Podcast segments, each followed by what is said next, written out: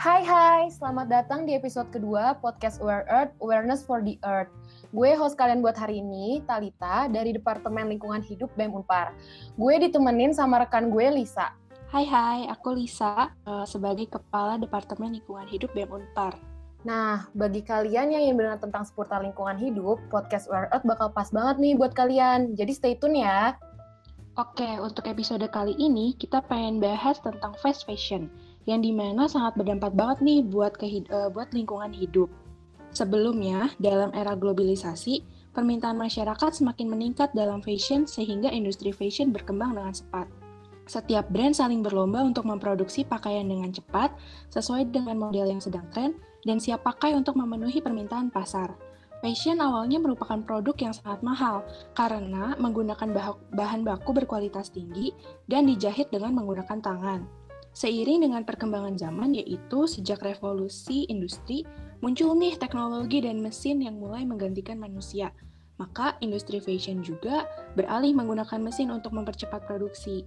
Karena hal inilah muncul konsep baru dalam bidang fashion yaitu fast fashion. Fast fashion sendiri adalah konsep industri tekstil dalam memproduksi fashion yang dibuat dengan cepat dengan model yang selalu berganti mengikuti tren dan menggunakan bahan berkualitas rendah sehingga tidak akan bertahan lama atau mudah rusak. Nah, banyak banget fakta menarik nih tentang fast fashion yang bakal kita bahas lebih lanjut. Nah, untuk pendengar setia Aware Earth, kalian gak akan nyesel deh spare waktu untuk dengerin episode kali ini. Karena kita bakal mengupas tuntas tentang fast fashion dan banyak banget fakta menarik di balik fast fashion yang akan kita bahas. Untuk membahas podcast Behind Fast Fashion Trend ini, kita mengajak teman-teman kita dari Departemen Lingkungan Hidup BEM Kema 4 untuk menggali lebih dalam mengenai tren ini. Tanpa berlama-lama lagi, kita kenalan aja langsung kali ya. Yang pertama dari Kepala Departemen Lingkungan Hidup BEM Unpad, yaitu Katorik Alfi, dan teman kita dari Unpad, yaitu Kak Kelsa. Nah, daripada gue ngomong terus, kita langsung aja tanya mereka. Halo, selamat datang Katorik dan Kak Kelsa. Halo, selamat datang Talita. Gimana nih Kak kabarnya? Mana nih Kak Kelsanya? Halo Kak Talita, Kak Sehat Kak? Baik ya, banget, sehat. Eh, Alhamdulillah sehat banget, walaupun di kondisi pandemi kayak gini, kita juga terdorong untuk tetap produktif dan menghasilkan banyak karya. Bener banget. Kalau karantinnya gimana Kak? Di rumah aja Kak atau gimana? Aku full di rumah aja dari bulan Maret sampai September ini. Waduh, lama ya. Aku selama karantin ini mungkin bisa dibilang sedikit ngeyel, tapi karena ada suatu kepentingan urusan, terutama urusan keluarga yang akhirnya memaksa aku buat hmm. uh, pergi ke kota-kota terlebih dahulu untuk sementara waktu. Oh, semangat deh ya kak. Jadi gini nih Kak, sebelum kita masuk lebih dalam, mungkin kakak-kakak bisa menjelaskan pandangan kakak-kakak tentang fast fashion kali ya? Oke, okay, uh, eh, jadi kita melihat mode pakaian fashion itu seiring waktu terus berubah. Kita mengetahui bahwa sebelum adanya uh, perubahan dan juga revolusi industri itu yang namanya mode fashion itu sangat minim dan bisa terbilang menjadi suatu hal yang sangat mahal. Kita lihat bahwa satu pakaian fashion sebelum adanya revolusi industri itu bisa dihargai 5 juta, namun bisa digunakan hingga dua atau eh, tiga tahun. Sedangkan sejak adanya fast fashion ini, kita bisa beli pakaian itu setiap minggu atau mungkin uh, setiap bulannya. Tapi ini pakaian-pakaian mode fast fashion ini bisa rusak dalam jangka waktu 5 sampai 6 bulan walaupun harganya lebih murah kayak gitu dan juga terkait fast fashion uh, ini nggak hanya berdampak pada citra kita. Mungkin kita dengan penggunaan fast fashion yang kekinian yang juga menggunakan brand-brand atau merek di sisi lain uh, harga yang harus dibayarkan bukan hanya sekedar uang tapi juga dampak lingkungan baik itu di sekitar kita maupun di lingkungan uh, saudara kita keluarga kita dan juga dampak pada sosial kemanusiaan yakni pada tenaga kerja yang memproduksi fast fashion tersebut Setuju banget nih aku sama kakak. Kalau Kak Kelsia gimana nih pendapat kakak tentang fast fashion ini? Kalau dari pandangan aku, fast fashion itu tuh menarik. Menariknya nggak cuma untuk dibahas ya, tapi emang dari model-modelnya mereka juga menarik gitu. Tapi di balik kemenarikannya model-model yang disediain sama mereka tuh ada fakta-fakta menarik juga yang ternyata menariknya tuh lebih ke mengenaskan gitu. Iya bener banget sih kak. Nah kak kalau menurut kakak nih uh, ciri-ciri produk fast fashion itu gimana ya? Terus kita cara bedainnya gimana nih? Uh, kita melihat tuh banyak digunakan oleh anak-anak kekinian yang bisa dibilang kayak pakaian yang udah ready to wear. Terus juga harganya kita tahu bahwa ini sangat terjangkau gitu. 300 ribu untuk pakaian dengan model seperti itu itu udah sangat murah kayak gitu dan juga ini tuh diproduksi dengan sangat cepat jumlahnya banyak yang sampai setiap minggu itu ada aja tren baru. Kalau misalnya teman-teman selalu ngikutin uh, kayak promo-promo mereka kayak gitu baik di website ataupun di berbagai sosial media dan juga kayak konten-konten pemasaran dari uh, merek-merek tersebut kayak gitu. Berarti banyak uh, mengikuti tren gitu ya kak ya? Tren berganti terus ganti lagi mulai keluarin uh, model baru gitu-gitu ya kak ya iya benar karena iya, bener banget, itu yang uh, cepat berubah walaupun apa ya tren ini kan bisa dibilang kayak dibuat uh, oleh zaman akhirnya orang-orang kebutuhannya berbeda dan sebagainya tapi di sisi lain mereka yang memiliki merek brand yang kuat itu bisa mempengaruhi tren-tren itu sendiri kayak gitu. Mungkin dari Kelsa boleh?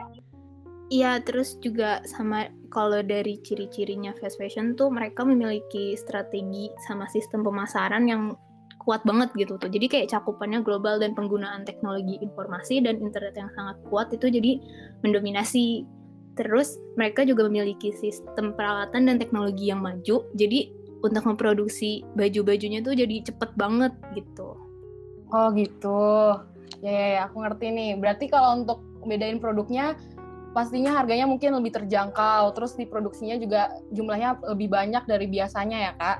Terus karena cepat silih berganti, jadi banyak banyak banyak yang kebuang-buang juga kan kalau diproduksinya sejarah banyak. Oke oke, aku ngerti-ngerti nih. Nah, uh, dari penjelasan-penjelasan tadi nih, banyak banget nih kan fakta-fakta menarik dari tren fast fashion ini baik dari segi lingkungan, segi sosial, segi ekonomi, dan banyak-banyak lagi.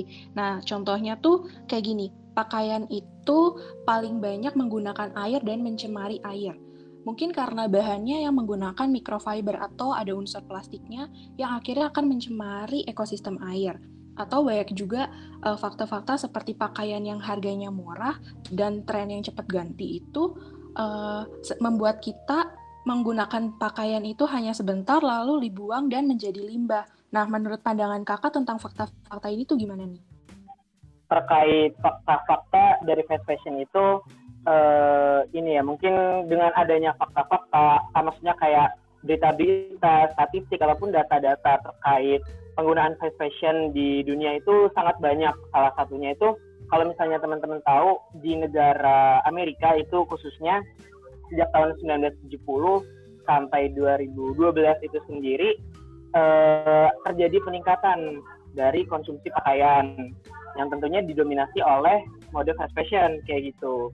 Namun eh, dengan pakaian-pakaian tadi yang terus bertambah, kalau misalnya kita ngecek aja nih di lemari kita, di kamar kita, pasti dalam satu tahun setidaknya 30% pakaian yang kita miliki itu tidak kita pakai atau setidaknya dipakai hanya satu kali atau mungkin kayak pas perayaan-perayaan tertentu kayak gitu. Oke. Nah, terus kan kita tahu sendiri nih Kak, kita kan sebagai mahasiswa pasti seneng banget kan ngeliat yang sel-sel, apalagi kalau udah diskon besar-besaran, langsung deh. Nah, memang produk fast fashion itu tuh bener-bener menggiurkan banget, apalagi kalangan mahasiswa kayak kita ini. Nah, kalau menurut kakak sendiri nih, kalangan apa saja sih yang biasanya paling berpengaruh terhadap tren fast fashion ini? kalau menurut aku sih generasi milenial ya. Jadi generasi milenial kan generasi yang lahir di antara tahun 1980 sampai awal 2000-an. Nah, kalangan ini tuh yang terbiasa banget sama sosmed. Terus nggak bisa dipungkiri juga sosmed itu tuh ngedorong ngedorong banget perkembangan dari fast fashion sendiri. Misalnya kayak dari para influencer, selebgram, selebriti yang menggunakan outfit-outfit yang keren-keren terus mereka post ke sosmed itu tuh jadi ngedorong para pengguna sosmed khususnya generasi milenial ini tuh untuk mengikuti outfit mereka gitu. Jadi menurut aku kalangan yang mempengaruhi banget itu adalah generasi milenial. Iya kak, bener banget generasi milenial kayak kita gini ya kak ya yang sering lihat sosmed, dikit-dikit pengen uh, punya, dikit-dikit pengen terpengaruh gitu kali ya kak. Iya bener banget kak. Karena aku, aku mau nambahin dong. Iya gimana kak? Uh, kalau misalnya kita melihat adanya toko-toko gerai retail dari berbagai uh, brand fast fashion itu sendiri kan lebih banyak tersebar di kota gitu ya orang-orang kota yang akhirnya mungkin lebih mudah terpapar oleh globalisasi, terus juga uh, virus-virus internet lah bisa dibilang kayak gitu ya, itu jadi terkontaminasi dan akhirnya terpengaruh untuk menggunakan uh, produk-produk fast fashion tadi. Benar kata Kelsha, dengan kita uh, hidup di zaman teknologi, internet, tanpa batasan itu sendiri, kita semua bisa terpapar, kita bisa kita semua bisa terpengaruh untuk tertarik setidaknya untuk membeli eh, produk-produk dari pakaian fashion kayak gitu sih. Jadi yang uh, kena impactnya itu bukan uh, sebenarnya semuanya kan, tapi terutama millennials gitu ya kak ya. Oke oke. Nah tidak dipungkiri nih kak bahwa fast fashion sendiri itu kan pasti mempunyai dua sisi, dua sisi yaitu dampak positif dan dampak negatif. Dan itu tuh saling bertolak belakang banget. Nah dampak positifnya itu harga produknya pasti lebih terjangkau terus kita dapat terus up to date karena fashion kan cepat silih berganti tanpa kita harus bayar mahal. Tapi untuk mewujudkan hal itu, industri fast fashion sering kali menggunakan bahan baku yang murah dan kualitasnya rendah, sehingga untuk itu lingkungan kita menjadi korbannya. Karena bahan yang digunakan adalah bahan-bahan kualitas rendah yang bisa mencemari lingkungan, dan saking cepatnya tren yang berubah, akhirnya banyak banget limbah pakaian yang dibuang ke lingkungan. Padahal bahan pakaian sendiri sulit untuk terurai dari dampak yang tadi aku bilang, mungkin teman kakak-kakak bisa nih jelasin lebih banyak lagi tentang dampak fast fashion, termasuk terhadap aspek lingkungannya. Seberapa besar sih gitu dampak yang ditimbul, ditimbulkan dari fast fashion ini? Untuk dampak dari lingkungannya yang aku tahu itu fast fashion ini bertanggung jawab atas 10% emisi karbon global tahunan. Jadi industri fashion bahkan ngelebihin emisi karbon yang dihasilkan oleh semua penerbangan internasional dan pengiriman maritim kalau digabungin nih. Jadi emisi si apa emisi karbon yang dihasilkan dari industri fast fashion ini tuh bahkan melebihi dari penerbangan internasional. Itu kan kayak wow, itu sebuah yang suatu hal yang kayak kita baru tahu, kita bahkan baru tahu waktu kita membaca gitu kan. Jadi ini tuh ngage ini tuh kayak mengagetkan fakta mengagetkan banget buat aku gitu. Sama kalau misalnya uh, laju produksi dari si industri fast fashion ini nggak berubah, diperkirakan uh, emisi gas rumah kaca ini akan melonjak sekitar 50% di tahun 2030 nanti. Sama ada juga dampaknya pada air dan laut. Kan tadi udah disebutin tuh yang kayak microfiber atau mikroplastik gitu. Nah, industri fashion ini tuh menggunakan 93 miliar, miliar meter kubik air per tahunnya. Air sebanyak ini tuh cukup untuk memenuhi kebutuhan konsumsi 5 juta orang. Itu kan banyak banget gitu. Kayak 5 juta orang bisa mengkonsumsi air bersih, tapi ternyata malah tapi malah air bersihnya itu jadi buat uh, memproduksi baju-baju yang kita pakai gitu. Iya bener banget kak. Terus aku juga baca nih, ternyata industri pakaian dan tekstil itu adalah pencemar terbesar di dunia kedua setelah minyak. Parah banget ya. Iya parah banget kak kayak wow ternyata baju yang kita pakai tuh semengerikan ini gitu. Nah kak kalau bicara tentang fast fashion nih, kenapa sih sebenarnya fast fashion itu diproduksi di negara-negara Asia atau di negara-negara berkembang? Kalau menurut pandangan kakak tuh gimana?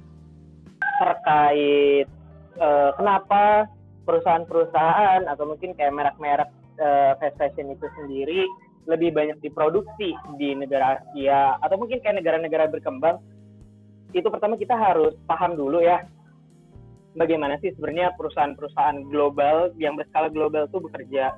Tentunya yang namanya perusahaan tuh pasti bakal mikir gimana sih caranya uh, gua gitu ya dapat keuntungan lebih namun dengan modal yang sedikit dengan cara mengefisiensikan setiap sumber daya yang mereka miliki baik itu tenaga kerja, baik itu teknologinya, uh, ataupun lain-lainnya yang akhirnya ini menjadi strategi mereka kayak gitu. Dan kenapa uh, di Asia Tenggara gitu ya, kita tahu bahwa negara-negara di Asia Tenggara, negara-negara berkembang ini, eh di Asia gitu ya, itu punya biaya tenaga kerja yang cukup rendah, bahkan sangat rendah. Lebih dari jutaan orang tuh bekerja pada sektor tersebut. Nah, terus juga kita tahu kalau misalnya mereka ketika diupah ini hanya sekedar upah tanpa ada kepastian untuk mendapatkan tunjangan-tunjangan lainnya yang seharusnya ini menjadi hak mereka baik itu tunjangan pensiun, tunjangan kesehatan, tunjangan uh, ataupun kayak fasilitas lain yang akhirnya bisa menjamin keselamatan dan keamanan mereka selama bekerja untuk memproduksi uh, produk fast fashion tersebut. Terus juga nih, kalau misalnya negara-negara eh, brand-brand yang fast fashion tadi itu kan lebih banyak bertempat kayak di Amerika, terus juga di Eropa gitu ya. Yang kita tahu kalau misalnya di sana kan geografisnya juga cukup uh, dinamis kayak gitu ya. Kalau misalnya di negara Asia, terutama tropis itu kan cukup stabil gitu ya. Jadi mereka lebih banyak melimpahkan uh, tadi produk apa industri-industri mereka, produksi-produksi mereka di negara-negara uh, yang geografisnya seperti itu kayak gitu. Dan juga ini terkait uh, perizinan gitu ya. Kita tahu kalau misalnya Amerika dan juga Eropa itu punya kebijakan pemerintahnya gitu ya punya kebijakan yang sangat cepat untuk terkait amdalnya kayak gitu ya. Dampak lingkungan dari setiap uh, kegiatan ekonominya kayak gitu. Sedangkan kalau misalnya di negara Asia ini uh, cukup panjang kayak gitu. Bahkan tidak ketat sama sekali karena mereka masih lebih mementingkan kesejahteraan masyarakatnya dari segi ekonomi dibanding dari segi kesehatan keselamatan kerja dan juga keamanannya kayak gitu. Berarti uh, sebenarnya brand-brand ini tuh pengen cari keuntungan sebesar-besarnya dengan cost yang sekecil-kecilnya gitu ya kak ya? Iya, bisa dibilang kayak gitu. Ini uh, kalau misalnya kita melihat fast fashion gitu ya, industri fast fashion sebenarnya yang bisa disalahkan itu adalah sistemnya, di mana sistem kapitalisme ini sangat berpengaruh besar uh, dengan mereka yang memiliki modal cukup besar kayak gitu ya untuk menanamkan paham terus juga untuk memproduksi banyak uh, pakaian fast fashion tadi yang kemudian akhirnya uh, melimpahkan kepada mereka yang tidak memiliki modal kayak gitu. Nah, kalau uh, dari tadi nih Kak, dari uh, mulai uh, brand-brand fast fashion yang pengen mendapatkan keuntungan sebesar-besarnya. Terus udah gitu dampak-dampaknya yang tadi kita udah dengar ternyata mengagetkan banget ya Kak kalau dampaknya tuh ternyata besar banget ke lingkungan. Nah, kalau gitu dari dampak-dampak tadi, dari fakta-fakta yang tadi udah kita bahas nih, sebenarnya apa sih yang perlu dilakuin oleh masyarakat untuk meminimalisir dampak-dampak yang tadi terjadi, Kak? Dari langkah dari masyarakat, sebenarnya yang paling gampang itu yang pertama adalah pilih pakaian dengan kualitas yang baik gitu. Jadi kalau misalnya kita punya baju kualitasnya yang bagus kan itu bajunya bisa bertahan bisa sampai satu sampai dua tahun gitu kan. Jadi kita nggak terus-terusan mau beli baju, mau beli baju lagi gitu. Terus bisa juga kita dengan cara mau kalau misalnya mau beli baju tuh bisa dengan cara kita beli di uh, di thrift shop atau pakaian yang pre-love atau second hand gitu. Jadinya mengurangi produksi-produksi dari si brand fast fashion tersebut gitu kan. Karena sekarang ini tuh banyak banget toko-toko pakaian yang ngejual pakaian pre-love atau second hand yang kualitasnya tuh juga bahkan bisa bahkan bisa disebut lebih baik daripada kualitas dari brand-brand fast fashion tersebut. Terus hal paling sederhana kalau dari diri kita sendiri itu adalah dengan beresin lemari Iya karena dengan beresin lemari kita tuh jadi kadang kita tuh suka nemu baju-baju yang ih udah lama nggak kepake kita bisa pakai lagi baju-bajunya atau bahkan bajunya ada yang keselip-keselip gitu kan. Jadinya kita nggak perlu deh tuh beli baju-baju baru. Gitu. Iya kak beresin lemari tuh ya itu menarik banget. Karena kita juga sebenarnya bisa kali ya kak mix and match baju-baju yang udah lama yang udah kita nggak pernah pakai ternyata eh masih ada nih baju ini gitu ya kak ya.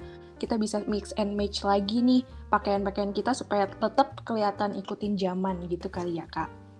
Iya bener banget mix and match tuh emang kunci sih. Hmm. Kayak kita ngubah pakaian lama yang udah up, yang udah ketinggalan zaman tapi kalau kita ubah dikit bisa lah jadi up to date gitu. Setuju banget kak. Nah sama aku ada baca nih kak di uh, dari kumparan kalau ternyata tuh ada program yang namanya Circular Fashion System Commitment. Jadi udah banyak banget nih perusahaan-perusahaan yang ikutan untuk uh, program ini. Sebenarnya program ini tuh uh, lebih mengedepankan untuk memproduksi dengan konsep sustainable atau berkelanjutan. Jadi para pemangku kepentingannya atau brand fashionnya itu memproduksi busana yang menggunakan bahan yang ramah lingkungan. Nah, harusnya kita mendukung nih ya kayak brand kayak gini. Iya bener banget kak, kita harus ngedukung uh, brand-brand yang mulai menggunakan konsep sustainable atau berkelanjutan. Terus juga sebenarnya di Indonesia sendiri tuh udah mulai banyak bermunculan nih brand-brand yang sustainable. Yang aku tahu nih ada namanya sejauh mata memandang. Ini tuh uh, mereka kemarin produk mereka produknya si sejauh mata memandang ini tuh dipakai di film AADC 2 yang di scarfnya tuh dipakai sama uh, Dian Sastro gitu. Terus ada lagi brandnya namanya Lanifati, ada juga brand Rupa House, terus ada brand namanya Cinta Bumi Artisan sama Osem. Itu tuh uh, brand-brand ini tuh bergerak di bidang uh, apa namanya pakaian yang mengun yang mengusung konsep sustainable. Wah ternyata uh, lokal pun uh, udah banyak ya kak ya? Iya udah mulai banyak nih mereka yang brand-brand lokal yang mengusung konsep sustainable ini. Berarti uh, gak dipungkiri sebenarnya orang-orang mungkin udah pada sadar juga kali ya sama uh, dampak dari fast fashion ini. Dan aku juga setuju banget tuh yang tadi thrift shop itu kayak sebenarnya barang-barang di thrift shop itu tuh masih banyak yang bagus gitu loh. Jadi masih bisa dipakai daripada jadi limbah ya kan kak? Iya bener banget tuh kak. Baju-baju di thrift shop tuh sebenarnya masih banyak yang bagus-bagus. Apalagi kalau misalnya kita mau mencari ke dalam-dalam ya, thrift shop itu tuh kadang suka nemu kan yang masih bagus, yang masih lucu gitu. Jadi kayak bisa banget sih kita belinya di thrift shop gitu. Iya bener banget. Tapi kak, kita tuh juga nggak bisa pungkirin kan bahwa sandang sama pakaian itu tuh merupakan kebutuhan primer dari setiap manusia. Nah, kalau menurut kakak-kakak, gimana nih kita bisa memenuhi keduanya? Jadi memenuhi kebutuhan primer, tapi kita juga bisa turut menjaga lingkungan. Uh, mungkin ini masih lanjutan dari yang tadi gitu ya, dari yang uh, Kelsa sampaikan. Bagaimana kita bisa hidup dengan pola hidup yang sederhana, bagaimana dengan pola hidup yang secukupnya aja kayak gitu loh tidak berlebihan. Karena kita melihat sebenarnya kebutuhan primer itu sendiri esensinya apa sih? Kita punya rumah esensinya apa? Ya untuk ditinggali gitu untuk kita uh, pulang untuk kita bisa dapat kehangatan. Kemudian juga kita makan gitu loh. Makan uh, kita setidaknya ya kita memiliki gizi yang tercukupi baik uh, itu lima lima sehat empat sempurna terus juga ini juga terkait pakaian gitu ya. Esensi dari pakaian itu sendiri apa sih gitu loh. Orang-orang kadang lupa ketika mereka sudah terdorong sudah apa ya sudah di dalam tahap impulsif untuk bisa sesuatu itu lupa dengan esensi dan tujuan untuk mereka membeli kayak gitu loh. Makanya kalau misalnya kita mau beli sesuatu kita ingat dulu nih kenapa kita beli itu? Kapan kita harus uh, memakai atau kapan kita akan menggunakan hal tersebut. Terus juga kita tahu uh, kira setelah ini nggak saya pakai nggak setelah ini nggak aku pakai saya kira ini bisa diapain nih kayak gitu loh alternatifnya kayak gitu nah terus juga ini terkait uh, tadi ya kebutuhan primer tadi kalau misalnya di luar dari batas kemampuan kita kan sekarang tuh orang-orang tergiur oleh yang namanya konsumerisme melihat sesuatu yang menarik sedikit, lucu dikit, yang emang wah ini gayanya kayak idola gue banget nih, terus kayak kita beli kayak gitu. Padahal sebenarnya ini nggak eh, nggak uh, cocok-cocok banget di kita, bahkan juga nggak lama bakal kita pakainya. Mungkin kayak di hari-hari tertentu aja gitu, misal uh, di hari Lebaran aja gitu ya. Kalau yang bagi yang umat Muslim gitu kan pakai di Lebaran, padahal Lebaran tuh ya satu tahun sekali gitu. Kita nggak perlu tiap hari uh, hari raya beli pakaian baru kayak gitu padahal yang masih sebelumnya ada itu ya kita bisa pakai kayak gitu Iya setuju banget tuh. Jadi kayak ini ya kayak ya, mungkin bisa membedakan mana kebutuhan sama mana keinginan kan? Ya betul banget. Jadi kalau misalnya pakaiannya rusak dan masih bisa diperbaikin ya diperbaikin dulu aja kali ya kak. Jangan langsung dibuang. Betul banget. Biar kita eh, tadi kita tahu dulu mana mana yang bakal kita pakai lama, mana yang bakal kita pakai sebentar. Kalau kita pakai sebentar itu, setelah itu bakal diapain kayak gitu. Kita harus tahu itu. Aku juga baca nih di Fashion Revolution katanya memperpanjang umur pakaian hingga 9 bulan lagi itu bakal ngurangin jejak karbon, limbah sama air sekitar 20 sampai 30% gitu lumayan banget betul betul banget sih. Itu tuh ya apa ya kita kita sering ngeliat kalau misalnya pakaian gitu ya karena kayak mode pakaian tuh kita hanya melihat uh, pakaiannya aja tanpa kita ketahui bagaimana produksinya. Makanya tadi uh, kayak yang Talita bilang banyak akhirnya meninggalkan jejak karbon terus juga uh, pestisida pestisida yang digunakan untuk membuat kainnya itu juga sangat mencemari lingkungan. Belum lagi cairan-cairan yang untuk mem mengolah memproduksinya itu berdampak pada pekerja-pekerja yang memproduksinya kayak gitu. Mungkin uh, aku bisa kasih sedikit saran gitu, boleh kali ya terkait saran buat teman-teman nih. Boleh uh, banget. Bagaimana sih? Gimana sih teman-teman bisa lebih memahami bagaimana fast fashion ini bekerja gitu ya? Itu mudah sebenarnya. Ini aku tahu di salah satu mata kuliah aku uh, aku waktu itu disuruh kasih tugas nonton film. Nah, judul filmnya itu The True Cost. Film ini disutradarai oleh Andrew Morgan 2015. Itu banyak banget casting-castingnya, terus juga dokumenter ini tuh uh, menjelajah atau juga merekam sebagai peristiwa-peristiwa ataupun kayak orang-orang di balik dari fast fashion itu sendiri kayak gitu loh makanya kalau misalnya kita ngelihat fast fashion itu uh, kita kita harus tahu juga apa sih yang ada di belakangnya bagaimana produksinya berjalan.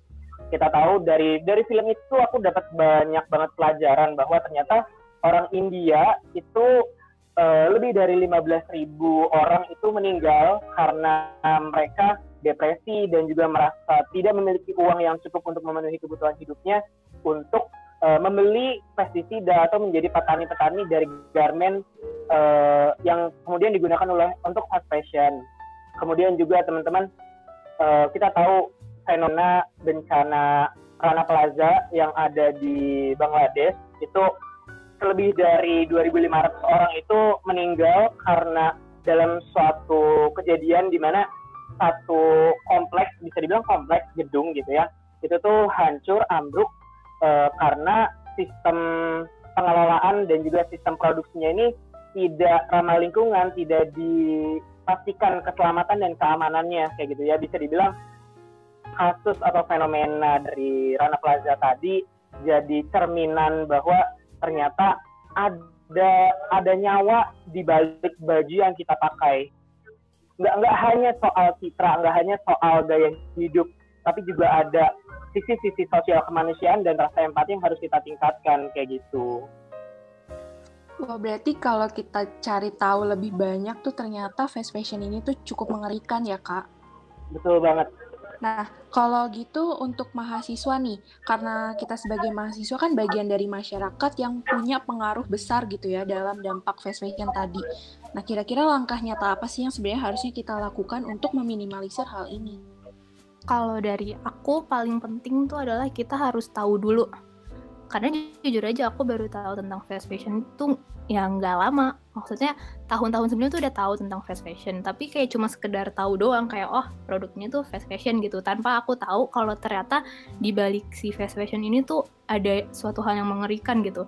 Jadi menurut aku kalau kita udah tahu itu merupakan salah satu peran penting yang yang harus mahasiswa lakukan gitu dalam meminimalisir dari dampak si fast fashion ini. Terus yang kedua, kalau misalnya udah tahu nih, sebisa mungkin menghindari untuk membeli produk dari fast fashion gitu. Emang sih susah banget untuk menghindari rasa keinginan untuk belanja atau shopping baju, apalagi kalau ada lagi sale-sale gitu kan. Tapi uh, dengan cara menghindari ini tuh kayak ini udah merupakan peran penting juga gitu sama yang terakhir menurut aku uh, adalah dengan menyuarakan atau memberitahu ke orang-orang tentang si fast fashion ini gitu dengan menyuarakan soal fast fashion berarti kita udah setidaknya kita udah ngasih tahu ke setidaknya kita udah ngasih tahu satu dua orang tentang hal mengerikan si fast fashion ini gitu.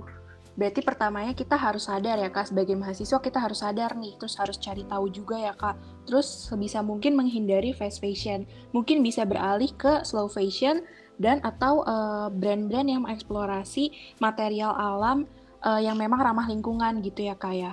Sama uh, memberitahu orang-orang juga nih tentang fast fashion gitu ya kak. Ya bener banget. Terakhir nih kak, sebelum mengakhiri podcast ini, pesan-pesan kakak pendengar dan untuk pendengar podcast kita terhadap fenomena fast fashion ini apa? Uh, kalau dari aku ya terkait pesan untuk para pendengar dari podcast Aware Earth ini asik itu kita harus tahu maksudnya kayak setelah kita mendengar podcast ini banyak banget hal-hal yang kemudian bisa kita sadari. Ketika kita mendengar podcast ini nggak hanya kita dengar masuk kuping kanan yang keluar kuping kiri. Kita memang benar-benar resapi dan kemudian implementasikan kayak gitu loh. Kayak tadi yang juga uh, aku ngasih saran pesan tadi yang aku udah bilang sebelumnya. Kalau misalnya teman-teman ingin memahami bagaimana uh, sistem kapitalis ini bekerja pada industri fast fashion itu seenggaknya teman-teman boleh nonton uh, The True Cost karena itu kan kayak simple ya maksudnya kayak uh, kita semua orang senang nonton film termasuk aku gitu loh. Ya udah kita nonton film tapi setelah itu dapat sesuatu kayak gitu loh. Banyak banget kok dokumenter-dokumenter yang akhirnya bisa membuat kita sadar. Terus juga uh, jangan jangan lupa setelah kita sadar kita juga ikut menyadarkan teman-teman kita keluarga kita pacar kita saudara kita kayak gitu. Biar mereka uh, turut mengurangi dari dampak-dampak lingkungan dari adanya fast fashion tersebut. Gitu. Dari Kak Kelsia mungkin ada saran untuk pendengar podcast Where Earth ini kalau dari aku sebenarnya pesannya juga untuk ke diri aku sendiri juga ya. Nah, emang sih untuk berhenti secara total menggunakan produk fast fashion atau untuk hidup dengan ramah lingkungan itu susah banget, sama sekali nggak mudah ya kan. Tapi bukan berarti kita tuh nggak berusaha sama sekali gitu. Yang nggak apa-apa berusaha sedikit-sedikit mengurangi. Bahkan dengan kita tahu tentang fast fashion ini aja udah merupakan langkah awal gitu kan. Jadi ya dengan langkah kecil aja itu udah suatu hal yang sangat membantu gitu. Terus ada satu hal yang jadi pegangan aku adalah we are never too small to make a difference gitu. Jadi dengan kita ya walaupun kita cuma bisa berusaha sekecil ini aja, tetap aja itu namanya usaha. Jadi jangan pernah berhenti untuk berusaha dalam meng, apa ya menginikan bumi, dalam menghijaukan bumi gitu. Wah, keren banget Kak bahasannya tadi. Uh, selama tadi kita bahas tentang fast fashion ini keren-keren banget deh. Nah, uh, industri fast fashion sendiri sering kali sebenarnya terlupakan ya, bagian yang terlupakan dalam pembicaraan kita tentang mengurangi sampah, menghijaukan bumi. Uh, karena mungkin kitanya nggak pernah mikirin atau melihat limbahnya. Padahal industri fast fashion ini sebenarnya banyak banget dampak yang buruk terhadap lingkungan banyak dari kita yang melihat fashion itu keren, bagus, uh, kita ter, uh, terinfluence sama orang-orang, uh, padahal di belakangnya tuh begitu kelam gitu ya. Di balik itu banyak proses produksinya uh, dan dampaknya yang buruk buat lingkungan. Nah, semoga episode kali ini tuh bakal berguna bagi teman-teman yang udah dengerin dan menjadi lebih aware nih terhadap trend fast fashion ini. Kami harap teman-teman dapat lebih bijak ya untuk urusan berbelanja baju baru. Oke, kita udah sampai pada penghujung podcast episode kali ini. Tapi tenang aja, bakalan ada episode-episode menarik lainnya hanya di podcast Aware Earth. Nah, bagi kalian pendengar setiap podcast ini, kita bakal bahas banyak banget nih isu-isu menarik, pastinya tentang lingkungan. Jadi, jangan lupa untuk terus update informasi dari kita. Caranya gampang banget, bisa langsung cek Instagram BEM Unpar di @bem underscore unpar. Oh iya, kita bakal ada acara puncak dari lingkungan hidup BEM Unpar, yaitu Lazy West, yang bakal diadakan Desember nanti. Tetap stay tune ya. Oke, untuk Kak Torik dan Kak Kelsya dari BEM Unpar, terima, terima kasih banyak untuk waktunya. Sukses terus, dan semoga kita bisa ngobrol-ngobrol lagi nih di kesempatan selanjutnya. Amin, makasih banyak kakak-kakak BEM LH, LH Unpar karena udah memberikan kesempatan bagi teman-teman dari LH Unpad untuk sedikit memberi insight tentang fast fashion kali ini. Semoga kita bisa berkolaborasi terus di masa-masa yang akan mendatang. Amin. Nah, untuk teman-teman di rumah nih, yang sekarang lagi pada masa new normal, tetap stay safe, stay healthy, tapi juga ingat untuk tetap produktif. Sedih banget nih kita harus say goodbye di sini. Kita pamit dulu ya. Gue Talita. Dan gue Lisa. Sampai jumpa di episode-episode Aware Earth lainnya. Aware Earth, awareness for the Earth.